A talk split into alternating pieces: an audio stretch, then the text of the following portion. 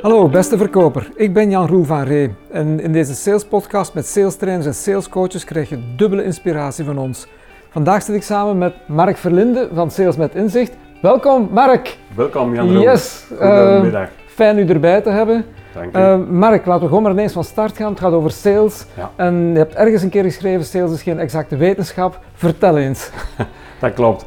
Ik heb Ja. eh, te veel ervaring gehad met mensen Mhm. die sales gaan bekijken als een wiskundig iets. Mhm. En die denken dat, eh, zoals in de wiskunde, alle stappen uit elkaar volgen en dat die logica altijd werkt. Ja. Dus ik heb dan het idee van, als je dit altijd toepast, dan zou elk verkoopsgesprek tot Mhm. een deal moeten leiden. Ja. Ja. Waarschijnlijk is dat niet het geval. En vandaar mijn redenering Mhm. dat er meer bij komt kijken dan puur wiskundig eh, regeltjes of, of technieken volgen. Ja, En dat er ook iets anders bij komt, namelijk Mhm. voor mij is sales iets tussen mensen. Goed, maar dan is eigenlijk eh, de eerste stap al gezet. Sales dus tussen mensen. Dat is voor Ja. mij ook zo. Dat zijn de fundamenten. Het gaat over mensen en niet over producten, processen. Nee. Dat hoort er wel ergens bij natuurlijk. Maar het gaat over mensen. Dat wil zeggen, je maakt contact met mensen en je gaat ermee aan de slag. Relaties opbouwen, vertrouwen. Is dat wat je bedoelt? Dat is wat, helemaal wat Ja. ik bedoel, dus daar, Ja. daar sluit ik mij graag bij aan. Mhm. Eh, het komt erop neer dat uiteindelijk eh, om, om te kunnen verkopen heb je een andere mens nodig.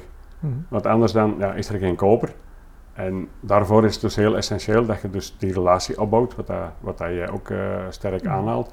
Ja. En een relatie opbouwen is niet iets dat je kunstmatig gaat doen of dat je Mhm. gaat doen door bepaalde technieken te volgen. Ja.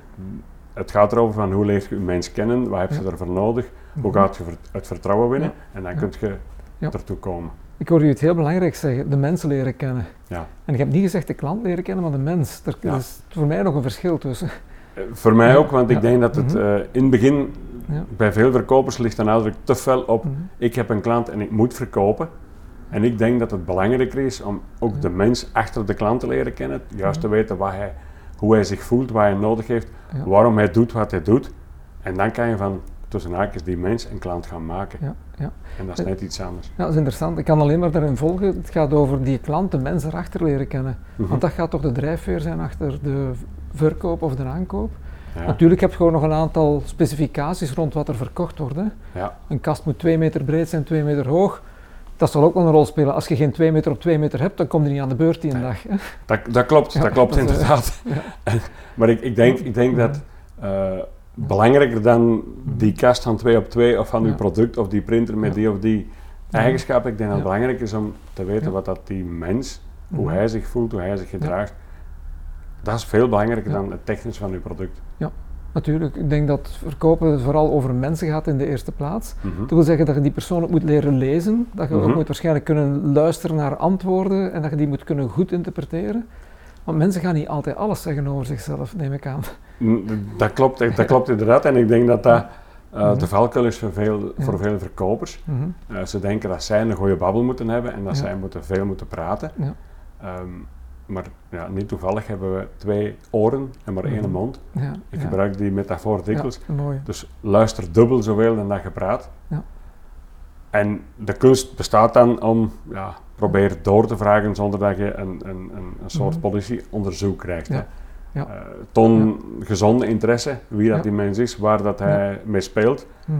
Ehm, en die interesse maakt dat er een relatie kan komen. Ja. Dat is wel interessant wat je zegt, want er zijn veel verkopers die gaan op de baan met een aantal open vragen in hun zak. Mhm. Ja, En die beginnen aan hun ondervraging. Hè? Ja. Zoals jij bijna zegt nu, een politie-ondervraging. ja. Eh, en dat is het natuurlijk niet, hè, om te verkopen. Beginnen aan uw ondervraging en dan de antwoorden noteren en zeggen: Oké, Ja. nu maak ik een offerte in functie van uw antwoorden. Ik denk dat dat een. Heel, veel mensen, ja, ze neigen dan, een, ze krijgen een script of ze hebben een Ja. script of een soort vragenlijst waar je inderdaad aan geeft. En ze, ja, ze, ze gaan die af van boven naar onder. Maar halverwege gaat die klant toch bepaalde antwoorden geven waar je misschien kan op doorgaan of kan, dieper kan op ingaan. Ja. En dan is dat script minder belangrijk. Tuurlijk. Maar dat script is eigenlijk maar een aanknopingspunt Ja. om mee te beginnen. Je stelt de eerste vraag, komt een antwoord en dan gaat het toch in op dat antwoord. En niet gewoon uw volgende vraag stellen. Nee, maar dat is, dat, dat is de valkuil. En, en, en ik denk dat je dat ook, Mhm. dat kan je dus leren. Ja. Je. Kan, je kan, dat script is een soort, voor mij, is een soort Mhm. kapstok. Ja. Maar het, het, het, het antwoord van die klant, Mhm. wat hij zegt en ook wat Ja. hij niet zegt. Mhm. hè, Want zoals je net aangeeft, de klant Ja. zegt niet altijd alles. Ja. Maar daar kan je naar luisteren en als je daarop inpikt, dan ga je veel verder komen in het opbouwen van een relatie. Mhm. Eh, en dan ga je ook weten wat dat die mens, dan klant, Ja. gaat nodig hebben om Ja. daarmee verder te gaan. Nu, we hebben al iets aangeraakt, je kunt dat leren. Hè? Ja, Ehm, je hebt daar ook iets over, je kunt sales leren. Hè? ja. Ik, ben, Ehm, ik ben ervan overtuigd dat mhm. eigenlijk één ieder van ons dat kan leren. Ja. En de gemakkelijkste eh, verwijzing die ik dan doe is Mhm. van, Ja. zo goed als iedereen heeft een job, Mhm. dus hij heeft eigenlijk zichzelf tussen Ja. haakjes verkocht aan een Ja. werkgever. Mhm. En ook zo goed als iedereen heeft een partner, Ja. misschien nu niet Ja. meer dan ooit wel gehad. Ja. Dus je hebt je ook tussen haakjes verkocht aan Ja. een ander mens. Ja. Dus Ja, ja. in ieder van ons zit het in om Mhm. relaties aan te gaan met andere Ja. mensen. Ik geloof er ook in dat mensen dat kunnen. En mijn enige vraag is er altijd bij, vinden ze het ook leuk straks? Want het is niet omdat je iets kunt dat je het ook leuk vindt. En ik denk dat dat voor een verkoper ook wel belangrijk is. Dat hij het leuk vindt om elke Ja. dag buiten te gaan, naar mensen te gaan, nieuwe contacten leggen, potentiële opportuniteiten aftasten, soms ook de nederlaag incasseren en zo verder. Maar ik, ik denk, Ja. ik denk, denk dat dat Ja. de basis is. Dat, is, eh, Ja. Mhm. dat, dat, dat zie je ook bij, bij de boel ondernemers. Mhm. Als zij het doen vanuit hun passie, Ja. ja, dan gaan zij veel sneller tot succes komen dan dat Ja. zij doen omdat ze het moeten doen of omdat Ja. ze goed zijn in, Ja. in ja, wat dat ze doen. Ja. Maar ik denk inderdaad de gezonde interesse, Mhm. de drive om Ja. mensen te leren kennen, Ja. Ehm, het soort aha-moment om Mhm. daar altijd voor open te staan. Ja. Ik denk dat dat het belangrijkste is eh, om het verschil te kunnen maken tussen, Ja. laten we zeggen, een verkoper en een topverkoper. Goed, maar dat betekent wat je nu eigenlijk zegt, is gewoon de passie moet samengaan met hetgeen dat je leert. Ja. En als je niet van boekhouden houdt, ga je geen boekhouden leren. Je gaat dat wel kunnen, maar je gaat er nooit iets mee, gaat, je gaat nooit iets doen, want je houdt niet van cijfers misschien. Nee, dat kan, je- dat kan misschien vijf jaar werken Ja. en dan, dan doet Ja. je job als boekhouder, maar Ja. de echte drive, die is er niet. Ja. En vroeg of laat gaat je jezelf tegenkomen en dan, Ja. ja. Dat is eigenlijk een beetje met leren koken. Iedereen zal ook wel een keer thuis koken, maar je wordt daarom geen sterrenchef. hè? Nee, nee, nee, dus dat, nee, dat, dat is, ja. dat is op zich een, een, eh, een goede vergelijking. Ja. En eh, het is niet omdat je dan, laten we zeggen, Ja. weet hoe dat je het moet doen, Mhm. dat je het graag gaat doen. Ja, en eh, ik weet, jij coach geregeld mensen. Hè? Komt Ja. er zo toch mensen tegen waarvan je zegt, die hebben echt de passie en dat gaat vooruit. En soms mensen waarvan je zegt, hmm, hebben die de passie wel, gaat dat lukken? Ja, Ja. en, ik, en ik denk eh, Ja. voor ons, voor ons beiden in, in, Mhm. in, in, in onze rol, het Ja. leukste is als mensen zeggen van, en ik heb het onlangs nog meegemaakt, dat, dat, Mhm. dat een persoon bij een klant zei, je gaat van mij geen verkoper maken, dat moet je echt niet Ah, denken. ja, ja. En dan denk ik van, oké, ik moet Mhm. van u geen verkoper maken. Ja. Jij moet gewoon het stukje passie vinden of het stukje, Mhm. eh, het spelletje gaan lezen, dat je zegt van, hé, hey, Ja, dat vind ik wel leuk, of dat werkt. Ja. Ja, en dan zit je drie, vier maanden verder met die man, en dan gaat hij van uit het niets, gaat hij in één keer wel klanten gaan bezoeken en gaat hij wel, laten we zeggen, de trucjes van het Mhm. spelletje toepassen. Ja, ja. En dan vindt hij daar voldoening in Mhm. en die man begint dat graag aan te doen. Ja. En dan kan ik nu terug tegen hem zeggen van, en, zijt je nu een verkoper? Of, Ah, ja. Ja. Ja. Nu, ik hoor er een paar dingen in. Ten eerste, dat het een spelletje moet blijven. ja, En dat ook een spelletje is. En als je dat als een spel ziet, dat het dan een stuk plezanter wordt en ook vlotter gaat, neem ik aan. daarom noem ik het ook bewust spel, want 9 Ja. van de 10 doen meeste spelletjes omdat ze het Mhm. plezant vinden. Ja. En in het spelletje vinden ze plezier. En ik, ja, ik ervaar verkopen iets als Mhm. een spelletje en Ja. Ehm, Oké, wij doen dat professioneel en wij willen daar mensen in helpen. Ja. Maar sales is plezant. En ik denk dat dat eh, de clue is om daartoe te komen. Klopt. Nu, ik denk bij sales tegenover andere spelletjes, is sales meer een competitiespel, Mhm. waar soms meedoen niet belangrijker is dan winnen. Eh, zoals de Olympische Spelen dat zeggen. Daar, ben ik het, daar ben ik het ook mee eens. Natuurlijk, Ja. op het eind van de rit Ja, gaat het over ja, een bon of een deal Ja. sluiten of, Ja. of hebben of niet hebben. ja. Ehm, eh, maar ik, ik durf dan de vergelijking maken met, Mhm. met een spits in de voetbal. Als je, Ja. als je die alleen maar laat focussen op jij moet scoren, Ja. dan gaat hij missen. Ja. Maar als die weet van, ik heb mijn doelstelling, ik wil doelpunten gaan maken in de loop van het seizoen, mhm. en die gaat niet gebukt gaan onder de stress van te moeten scoren, Ja. ja, dan, gaan die ballen er, dan gaan die ballen er wel in vliegen.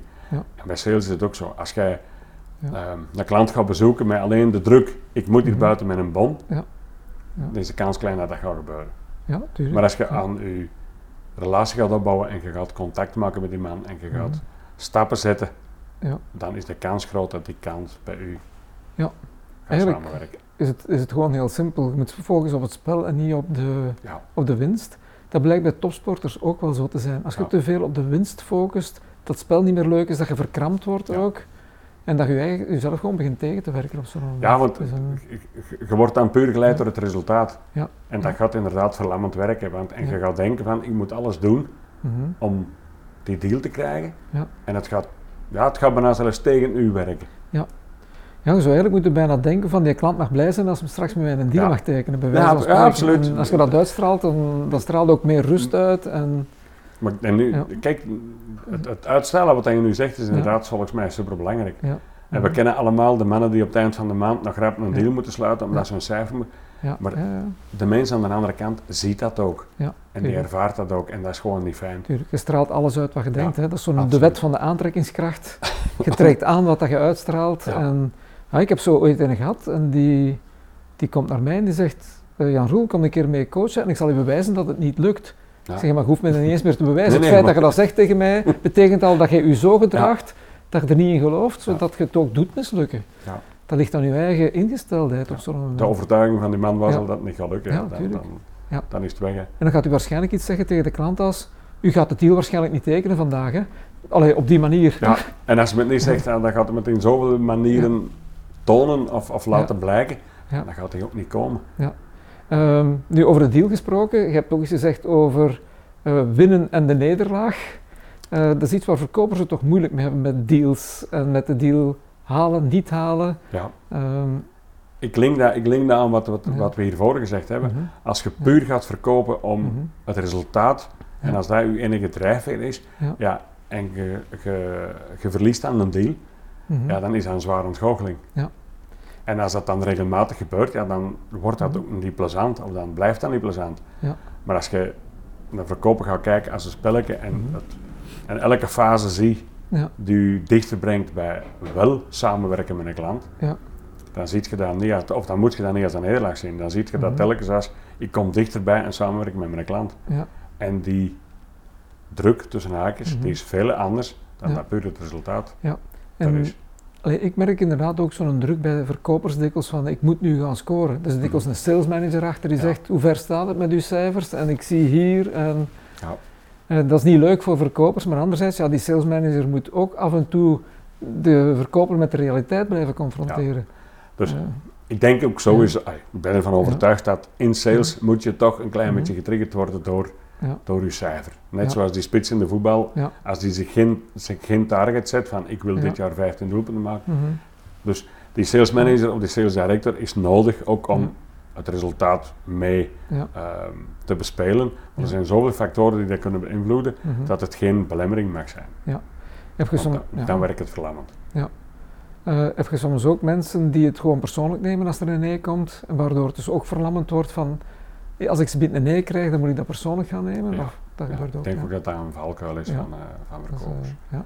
En het, het, het ergste dan is Mhm. dat ze niet juist weten Ja. wat dat de mogelijke redenen zijn waarom Ja. dat er nee gekomen is.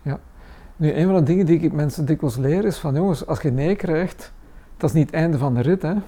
Tenzij natuurlijk de klant zegt, we hebben bij een ander gekocht, dan is het te Dat laat. klopt. Dan, dan verlies je die een dag, je moet je erbij neerleggen. Mensen, Ja, of mensen in verkoop hebben dan de neiging om te denken dat nee nooit is. ja, ja. En dat, ja. dat is helemaal niet het geval. Ja. Wat nu niet is, kan bij een volgende gelegenheid of een, of een volgende situatie dat jij terug binnenkomt of terug met Ja. de klant in contact komt. Ja. En dan kan er, er kunnen zoveel dingen die veranderd zijn die dan van Ja. die nee plots wel een ja maken. En de omgekeerde blijft waarschijnlijk ook, hè. Absoluut. Iemand dat zegt, ja, waarschijnlijk komt dat wel in orde. Ja. En een dag daarna belt hij zegt, eh, nee. Dat het niet doorgaat om gelijk welke reden. Of die gewoon het spel spelen en zeggen, nee, we hebben Ja. intern gekeken, uw prijs ligt nog te hoog. Bijvoorbeeld, gewoon te kijken, kan er nog iets af, hè. maar- Ja, tuurlijk. En dan komt voor mij Ja. weer het spelelement Ja. naar boven. Mhm. En als je je daar dan niet van bewust bent, dat Ja. het ook een stukje, die aankoper moet ook zijn rol spelen. Ja, ja. Dat, dat je, als je het niet zo gaat bekijken, ja, dan, Ja. dan ja, gaat je weer verkrampen. Gaat je weer zeggen van, was Ja. dat niet goed, was dat niet goed, of Ja. ik heb dat niet Ja. goed gedaan. Ja. Mensen beginnen dan te twijfelen aan hun eigen. Ja, ja, tuurlijk. En vooral aan hun eigen, los van hun product, ja, Ja, dan zijn, ja. Ze, zijn ze weer af. Hè. Is wel interessant, want je zegt, eh, de aankoper moet zijn rol spelen. En dat is iets wat Ja. veel verkopers eigenlijk gewoon uit het oog verliezen dikwijls. Ja. die ook de kans moeten geven om zijn rol een keer te spelen. Die- En, ja, Ah, die aankoper die heeft ook vanuit zijn directie of van, vanuit zijn zaakvoerder, of, heeft hij ook richtlijnen meegekregen van ik wil dat en dat bekomen. Ja. Dus hij moet ook zijn job uitoefenen en hij Mhm. moet proberen de beste deal te sluiten. Is zo. En je moet je ook de gelegenheid geven en het gevoel geven dat hij de beste deal Absoluut. sluit. En ook de middelen dat hij intern kan aantonen dat hij de beste Absoluut. deal heeft gesloten. Want uiteindelijk denk ik, hij, hij gaat Ja. uw eerste ambassadeur zijn binnen het Ja. bedrijf. Ja. En daarvoor is het heel belangrijk dat je met hem ook, ja, Mhm. dat je naar elkaar toe groeit, als Ja. het ware. Ja. En dat je hem in zijn waarde laat als Ja. aankoper en dat jij je Ja. waarde ook behoudt als verkoper Ja. en dat je daar ergens Ja. een deal moet in vinden. Nu, dat is iets wat ik wel merk soms, dat men steeds meer ook professionele aankopers plots als eindschakel er neerzet, die geen enkele relatie heeft met u. Ja. En die dat ook niet wil, want die weet, als ik een relatie bouw met u, dan word ik daar gevoelig voor en die dat gewoon afschermen. Ja. Komt je dat ook tegen? Ja, eh, dat, kom, dat kom ik Ja. ook tegen en ik denk, Ja. dat, dat, ik denk dat dat voor dan, laten we zeggen, de junior en de, de, de middenverkopers de moeilijkste situatie zijn. Ja. Omdat ze dan juist vanuit het relatie opbouwen, vanuit het Mhm. relationele, vanuit het vertrouwen opbouwen met een aantal mensen. Ja. ehm, denken van, nu zijn we dicht bij, bij Ja. een deal. Ja. En dan komt er in één keer iemand out of the blue, Mhm. ja, waar ze niks meer voelen of niks meer hebben. Ja. Ook dan blijft voor mij het belangrijkste, je hebt Mhm. zaken opgebouwd met een aantal mensen. Ja. Die man, aankoper die dan bij komt, die heeft Mhm. ook zijn rol te vervullen. Ja. En je kan met hem ook, eh, misschien op een ander niveau, op een ander level, maar je kan met hem ook in relatie gaan. Ja.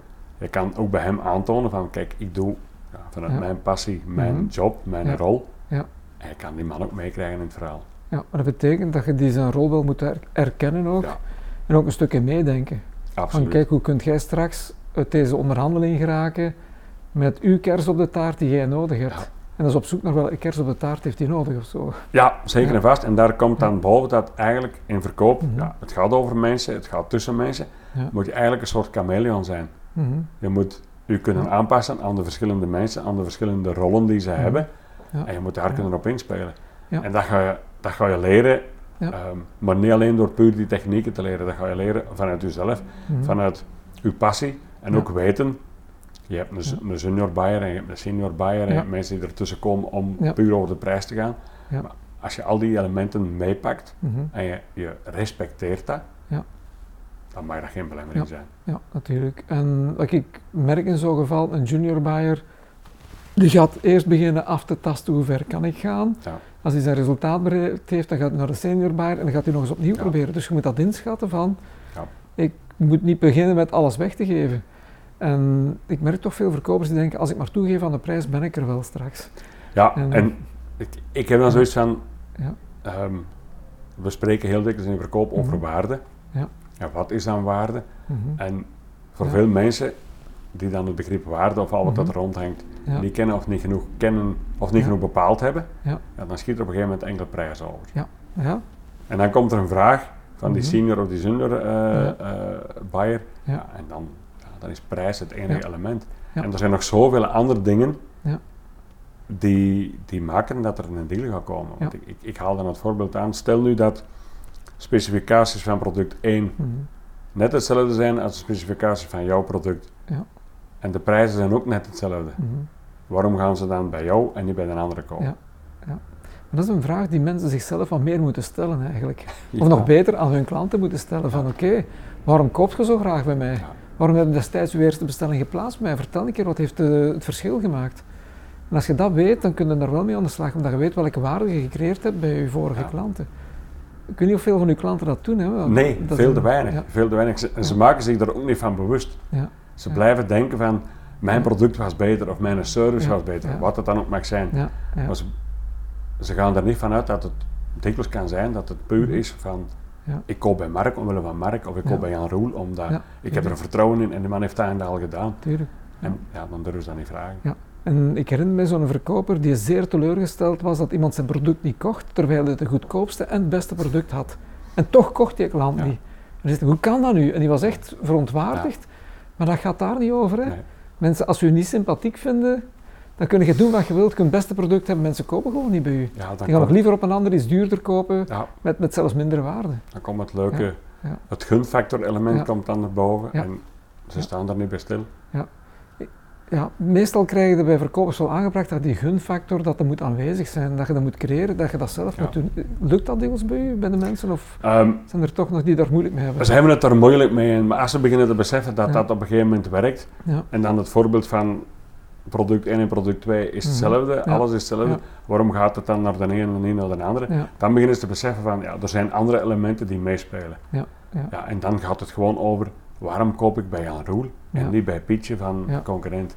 Ja, dat is... eh, En dan vraag je dikwijls van, ja, welke elementen zou je nu bij u kunnen geven, Mhm. Ja. die maken dat ik toch met jou in zee gaan gaan. Maar dan moet je wel weten wat het is, hè, dat het Ja. verschil maakt. En wat ik merk is, allee, we zijn eigenlijk al terug bij de basis, daar waar we Mhm. mee begonnen zijn juist. Dat is, het gaat tussen mensen. Hè. Het gaat over mensen. En ik kan me ook voorstellen als uw product echt niet marktconform is, maar Ja. dat zijn zo van die dingen. Dat klopt, De meeste bedrijven zijn marktconform, anders bestonden ze niet. Hè. dat denk ik ook. Daar ga ik ook vanuit. Eh, maar het verschil wordt gemaakt door jezelf, door de persoon. Maar aan de concurrentiekant zit natuurlijk ook een persoon die ook een gunfactor heeft. Hè. Ja, En dat is... eh, maar ik, ik- op een gegeven moment gaat het over heel, over heel kleine dingen in een relatie met een mens. Ja. Heel veel verkopers zeggen bijvoorbeeld van, ja maar mhm. ik stuur je volgende week die offerte, of Ja. ik stuur je volgende week die technische visie. Ja. En ze weten niet dat ze op die moment een link aangaan met hun Mhm. potentiële klant. Ja. Maar de volgende week is dat dan niet gebeurd, want te druk of geen tijd of vergeten. Ja. Ja. Maar die kleine fases gaan maken dat uw vertrouwen Ja. bij die potentiële klant, dat dat gaat stijgen of Ja. gaat afnemen. Ja, moet eigenlijk gewoon correct blijven in alles. moet correct Ja. blijven en nakomen wat, dat je, Ja. wat dat je zegt. Mark, eh, onze tijd zit er alweer bijna op. Je gaat snel vooruit. Hè? Geen enkel probleem. Wat ik ervan onthoud is dat het tussen mensen is verkopen. Ja. Dat ze, een verkoper een passie moet hebben voor zijn vak en dan kun je het ook leren natuurlijk. Ja. En anderzijds, ja, eh, dat product speelt wel een rol. En het moet marktconform zijn en je Mhm. bedrijf moet marktconform zijn, maar eigenlijk komt er nog steeds aan op de menselijke gunfactor uiteindelijk. En dat dat gemakkelijker is bij een gebruiker dan bij een echte professionele aankoper, is zo, maar blijft een spel. En ik denk dat het ook de conclusie moet blijven dat het een spel is. Ja, En als je dat blijft spelen, dat het goed gaat. Mag ik dat eruit concluderen? absoluut, absoluut. Ehm, sales is een spel tussen mensen Ja, en normaal is een spel Mhm. plezant. Dus Ja. sales is fun. ja. en vooral, winnen is belangrijker dan deelnemen, heb ik geleerd. Absoluut. Goed. Dat mo- mogen we zeker niet verwaarlozen. Mark, alvast bedankt. Beste verkopers, eh, bedankt voor het kijken en luisteren naar deze podcast. En tot de volgende gelegenheid.